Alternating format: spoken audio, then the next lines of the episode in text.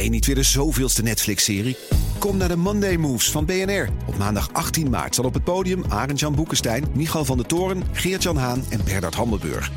Ze hebben het over geopolitiek. Het is oorlog. Moeten we vechten, vluchten of bevriezen? Onder leiding van mij, Art Rooijakkers. 18 maart dus in het De La Mar Theater in Amsterdam. Check bnr.nl slash mondaymoves. Een goedemorgen van het FD. Ik ben Roger Cohen en het is dinsdag 6 juni.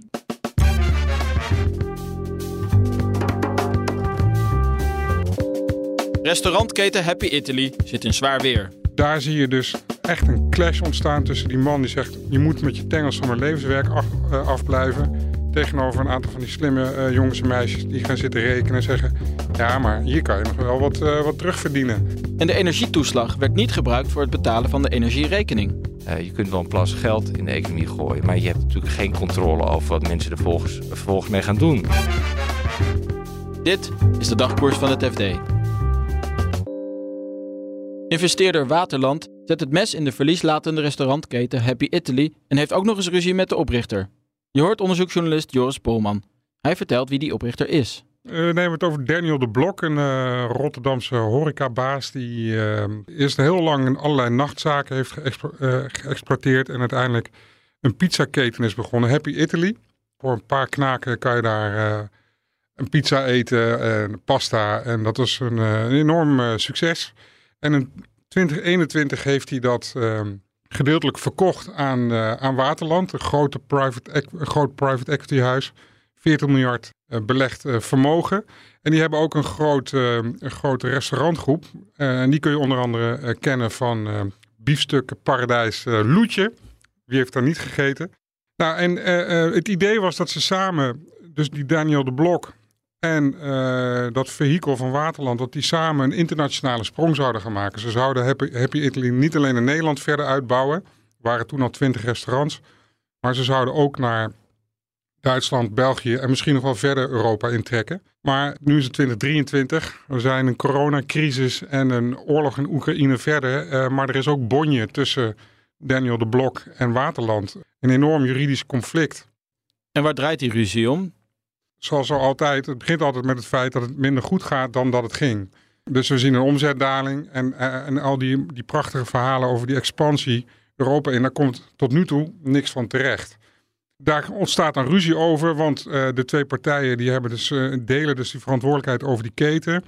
Je hebt Daniel die zegt, ik had een oorspronkelijk een heel bedrijf opgezet, inclusief een eigen groothandel en toeleverancier. Ik had een eigen pasta machine, ik maakte mijn eigen sausen. Het was een Zwitsers uurwerk, zo noemde hij het letterlijk. Al die radertjes die met elkaar verbonden waren, dat was een, een goudmijn.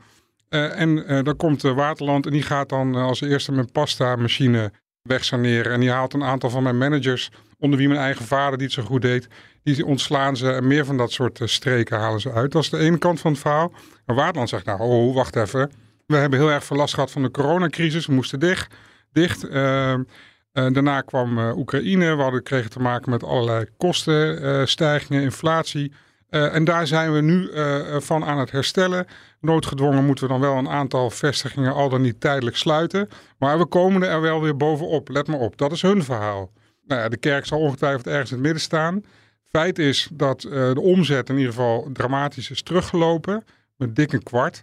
Terwijl de horecasector sinds de coronacrisis een enorme opleving heeft gehad. En vorig jaar zelfs een recordjaar heeft gedraaid als sector in het, alge in het algemeen daar zit dus een probleem.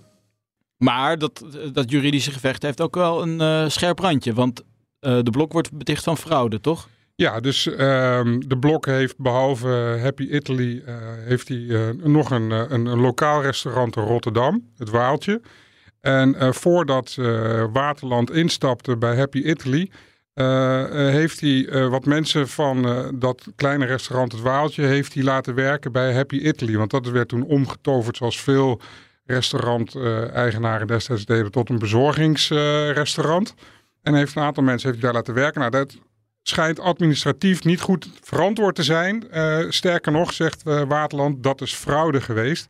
En dat is dan de knuppel om, om uh, de hond mee te slaan, zeg maar. Want ze zeggen nu, Als jij uh, dat niet uh, oplost en als jij niet kunt aantonen dat er geen sprake is geweest van fraude, dan is er voor jou geen toekomst meer bij ons. Uh, en dan moet jij ook afstand doen van de aandelen die je hebt in onze restaurantgroep, waar dus ook Loetje en nog een aantal andere ketens in zitten. Daar draait nu dat juridische conflict om. En daar is het laatste woord zeker nog niet over gezegd als we goed zijn geïnformeerd. Maar dat, dat nieuws, dat zal ongetwijfeld snel de krant weer, weer gaan vullen. En uh, hoe, hoe moeten we dit conflict nou zien? Is dit nou het groot kapitaal versus uh, de bezielde ondernemer die uh, vooral leeft voor lekkere pasta? Ja, ik denk wel dat het, ehm, dat het echt een cultuurclash is. Dan zal ik niet zeggen dat Daniel de Blok een culinair hoogstaande ondernemer is. Hè. Het ging meer om de volume, maar hij had wel de passie voor dat bedrijf. En hij had het helemaal zelf uitgedokterd. het was een familiebedrijf. Um, en hij, uh, nou, hij, had daar een heel sterk. Uh, hij zag het als een levenswerk. Zo moet je het eigenlijk zien. Uh, en had dus het idee van zoals ik het heb neergezet. Dat is de basis van het succes. Dus daar moet je niet aankomen. En dat, moet je, dat is juist je springplank naar nog meer succes. Hij had alleen extra geld nodig om die sprong te kunnen maken. En dat is de rol van Waterland in zijn ogen. Maar Waterland benadert dat natuurlijk anders. Ja, die gaan zitten rekenen en zitten sleutelen aan het verdienmodel. Die vinden hier uh, nog wat uh, verborgen kosten en daar en zus en zo. En die gaan, dan, die gaan dan op een gegeven moment wegsnijden. En daar zie je dus echt een clash ontstaan tussen die man die zegt... je moet met je tengels van mijn levenswerk af, afblijven... tegenover een aantal van die slimme jongens en meisjes die gaan zitten rekenen en zeggen... ja, maar hier kan je nog wel wat, wat terugverdienen. Dan, dan krijg je dus zoiets als er nu aan de hand is. Dan krijg je een conflict. En wat wil Waterland nu verder met Happy Italy? Wat ze tot nu toe aan ons hebben laten weten is dat hun, uh, hun, expansieplannen op zich niet het raam uit zijn. Die staan in de koelkast. Uh, ze zijn nu bezig om het bedrijf weer, uh, weer gezond te krijgen. De belofte is dat ze eind dit jaar toch weer um, uit de rode cijfers geraken. Mede door het al dan niet tijdelijk sluiten van vestigingen. En vanaf dan willen ze toch proberen om Happy Italy alsnog naar de Europese markt uh, te brengen. Ze geloven daar, zeggen ze, uh, nog steeds in. Uh, ja, of ze dat waar kunnen maken, dat gaan we natuurlijk zien.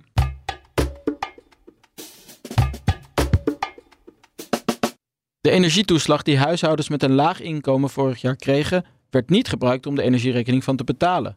Wel werd er meer contant geld opgenomen en werden er meer overboekingen gedaan. Redacteur macro-economie Marijn Jongsma vertelt eerst hoe die regeling er ook alweer uitzag. Ja, dat was een bedrag van uh, 1300 euro wat je op je rekening kon krijgen als je inkomen aan bepaalde voorwaarden voldeed. Dus als het niet te hoog was. Dus mensen met een bijstandsuitkering, maar ook met een laag inkomen. Uh, die konden dat aanvragen. Dan kreeg je 1300 euro uitgekeerd in delen. En het werd via gemeente verstrekt. En het was bedoeld natuurlijk, een energietoeslag, om ja, te compenseren voor de sterk gestegen energieprijzen. Naar aanleiding van de oorlog in Oekraïne. Ja, en ABN AMRO heeft nu gekeken hè, naar data op de, op, van hun rekeninghouders, waar dat geld is heen gegaan. Ja, wat wel aardig is, uh, het is in de economie altijd heel lastig om experimenten te doen. Hè? Je kunt niet uh, muizen kooien jagen en de ene wel een energietoeslag geven en de ander niet. Maar hier hebben ze heel handig gebruik gemaakt van het feit dat die uitkering ook op verschillende momenten is verstrekt. Ze hebben Rotterdam vergeleken met Den Haag. Rotterdam uh, was in maart 2022 net drie weken eerder dan Den Haag.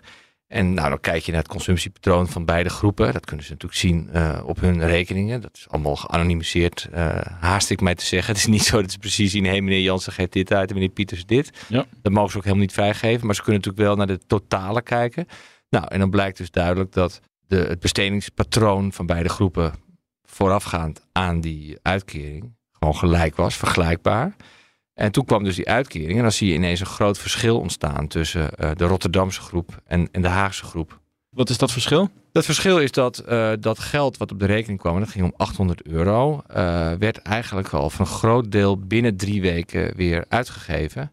Althans, opgenomen. En wat er dan precies mee gebeurd is, dat weet je natuurlijk niet. En ook veel contant geld.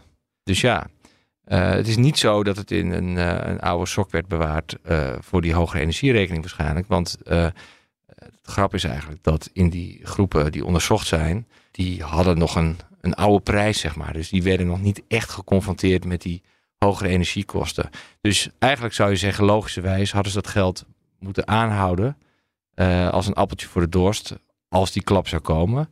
Maar in de praktijk blijkt het geld dus voor een groot deel te zijn opgenomen. En dus ook best snel, binnen drie weken. En is dat erg? Niet alles dus, hè, maar een groot deel. Ja, is dat erg? Nou, dat is een goede vraag. ABN AMRO houdt zich daarover op de vlakte. Die wil niet direct een normatief, uh, niet direct een oordeel vellen op, uh, over dit betaalgedrag. Hè. Je kunt ook zeggen, ja, dit gaat om lage inkomensgroepen. Die hebben sowieso een, uh, een hogere consumptiebereidheid. Hè. Dus als ze geld binnenkrijgen, dan, dan geven ze toch graag uit. Kijk, als jij per maand 20.000 euro verdient als, een, als CEO of als directeur van een bedrijf, dan die, die 800 euro extra, die, die merk je niet eens. Maar voor die mensen is dat veel geld. Dus je zou kunnen zeggen, inderdaad, die zijn eerder geneigd dat uit te geven. Is het dan erg? Ja, je kunt zeggen, die mensen hebben het geld ook hard nodig. Het punt is alleen, het geld was er niet voor verstemd. Dus het, het is een hele grote som geld die vanuit de overheid via de gemeentes naar die groep gaat. Met het idee van nou, als dan die hoge energierekening komt, dan hebben ze, kunnen, ze dat, kunnen ze zich dat veroorloven. Dus we steunen die mensen. Als dat het geld natuurlijk eerder wordt uitgegeven, ja, dat is gewoon niet, niet de bedoeling. Hier wreekt zich natuurlijk een beetje de, de maakbaarheid van, het, uh, van de samenleving. En, en de mogelijkheden voor een heel gericht overheidsbeleid, zou je kunnen zeggen. Uh, je kunt wel een plas geld in de economie gooien, maar je hebt natuurlijk geen controle over wat mensen er vervolgens, vervolgens mee gaan doen. Dat is natuurlijk het verschil met een prijsplafond voor energie bijvoorbeeld. Met het nadeel daar weer van dat iedereen profiteert. Hier heb je in ieder geval wel de meest kwetsbare groep te pakken.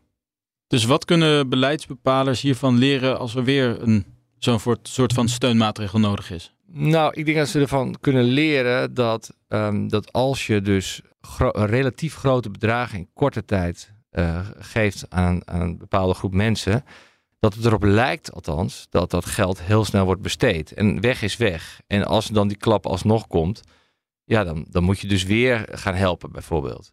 Dus waarschijnlijk moet je toch proberen, waarschijnlijk zeg ik, om iets directer te doen met die energierekening maar dan wel voor kwetsbare groepen. Ook, ook naar de toekomst, hè? Want, want je, kunt, je kunt niet de hele Nederlandse samenleving afschermen uh, voor duurdere, van duurdere energieprijzen. Dus je wil gericht mensen helpen die een relatief groot deel van hun inkomen daaraan uitgeven. En dan kom je natuurlijk meteen weer terecht in het probleem, uh, ja, wat is uitvoerbaar? Ja, en hier speelt ook nog mee dat er kritiek is dat dit stimulerende beleid van de overheid ook nog inflatie aanjagend heeft gewerkt, toch? Ja, daar hadden economen eigenlijk vanaf het begin af aan al problemen mee. die zeiden pas nou op dat je niet gaat overcompenseren. Want inderdaad, uh, je gooit een grote plas geld in de economie, dat wordt uitgegeven. Juist in de tijd, want daar zijn, door zijn al die problemen ontstaan, uh, dat aanbodketens uh, zijn verstoord. Eerst door corona, later door, door de oorlog in Oekraïne. dus je zit eigenlijk met, met aanbodproblemen en, en je gaat de vraag stimuleren. Ja, dan krijg je dus dat die motor steeds harder gaat draaien. En dan krijg je dus uh, inflatie. En dat is natuurlijk ook waar, uh, waar Klaas Knot uh, van de Nederlandse Bank steeds voor waarschuwt. Van ja, wij kunnen niet alleen die inflatie bestrijden. Ook Met de hoge rente? Nee, precies. En die hoge rente geldt voor de eurozone als geheel. Dus, dus ja, specifiek in Nederland zal ook de overheid zijn steentje daaraan moeten bijdragen. En dus ook eens een keer nee moeten zeggen.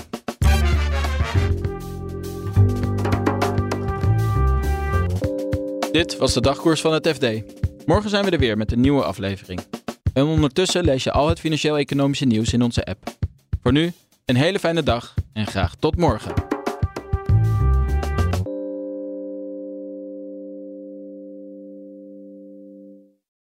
De financiële markten zijn veranderd, maar de toekomst, die staat vast. We zijn in transitie naar een klimaatneutrale economie. Dit biedt een van de grootste investeringskansen van onze generatie. Een kans voor u om mee te groeien met de pioniers van morgen. Meer weten? Ga naar carbonequity.com. Carbon Equity. Do good by investing better.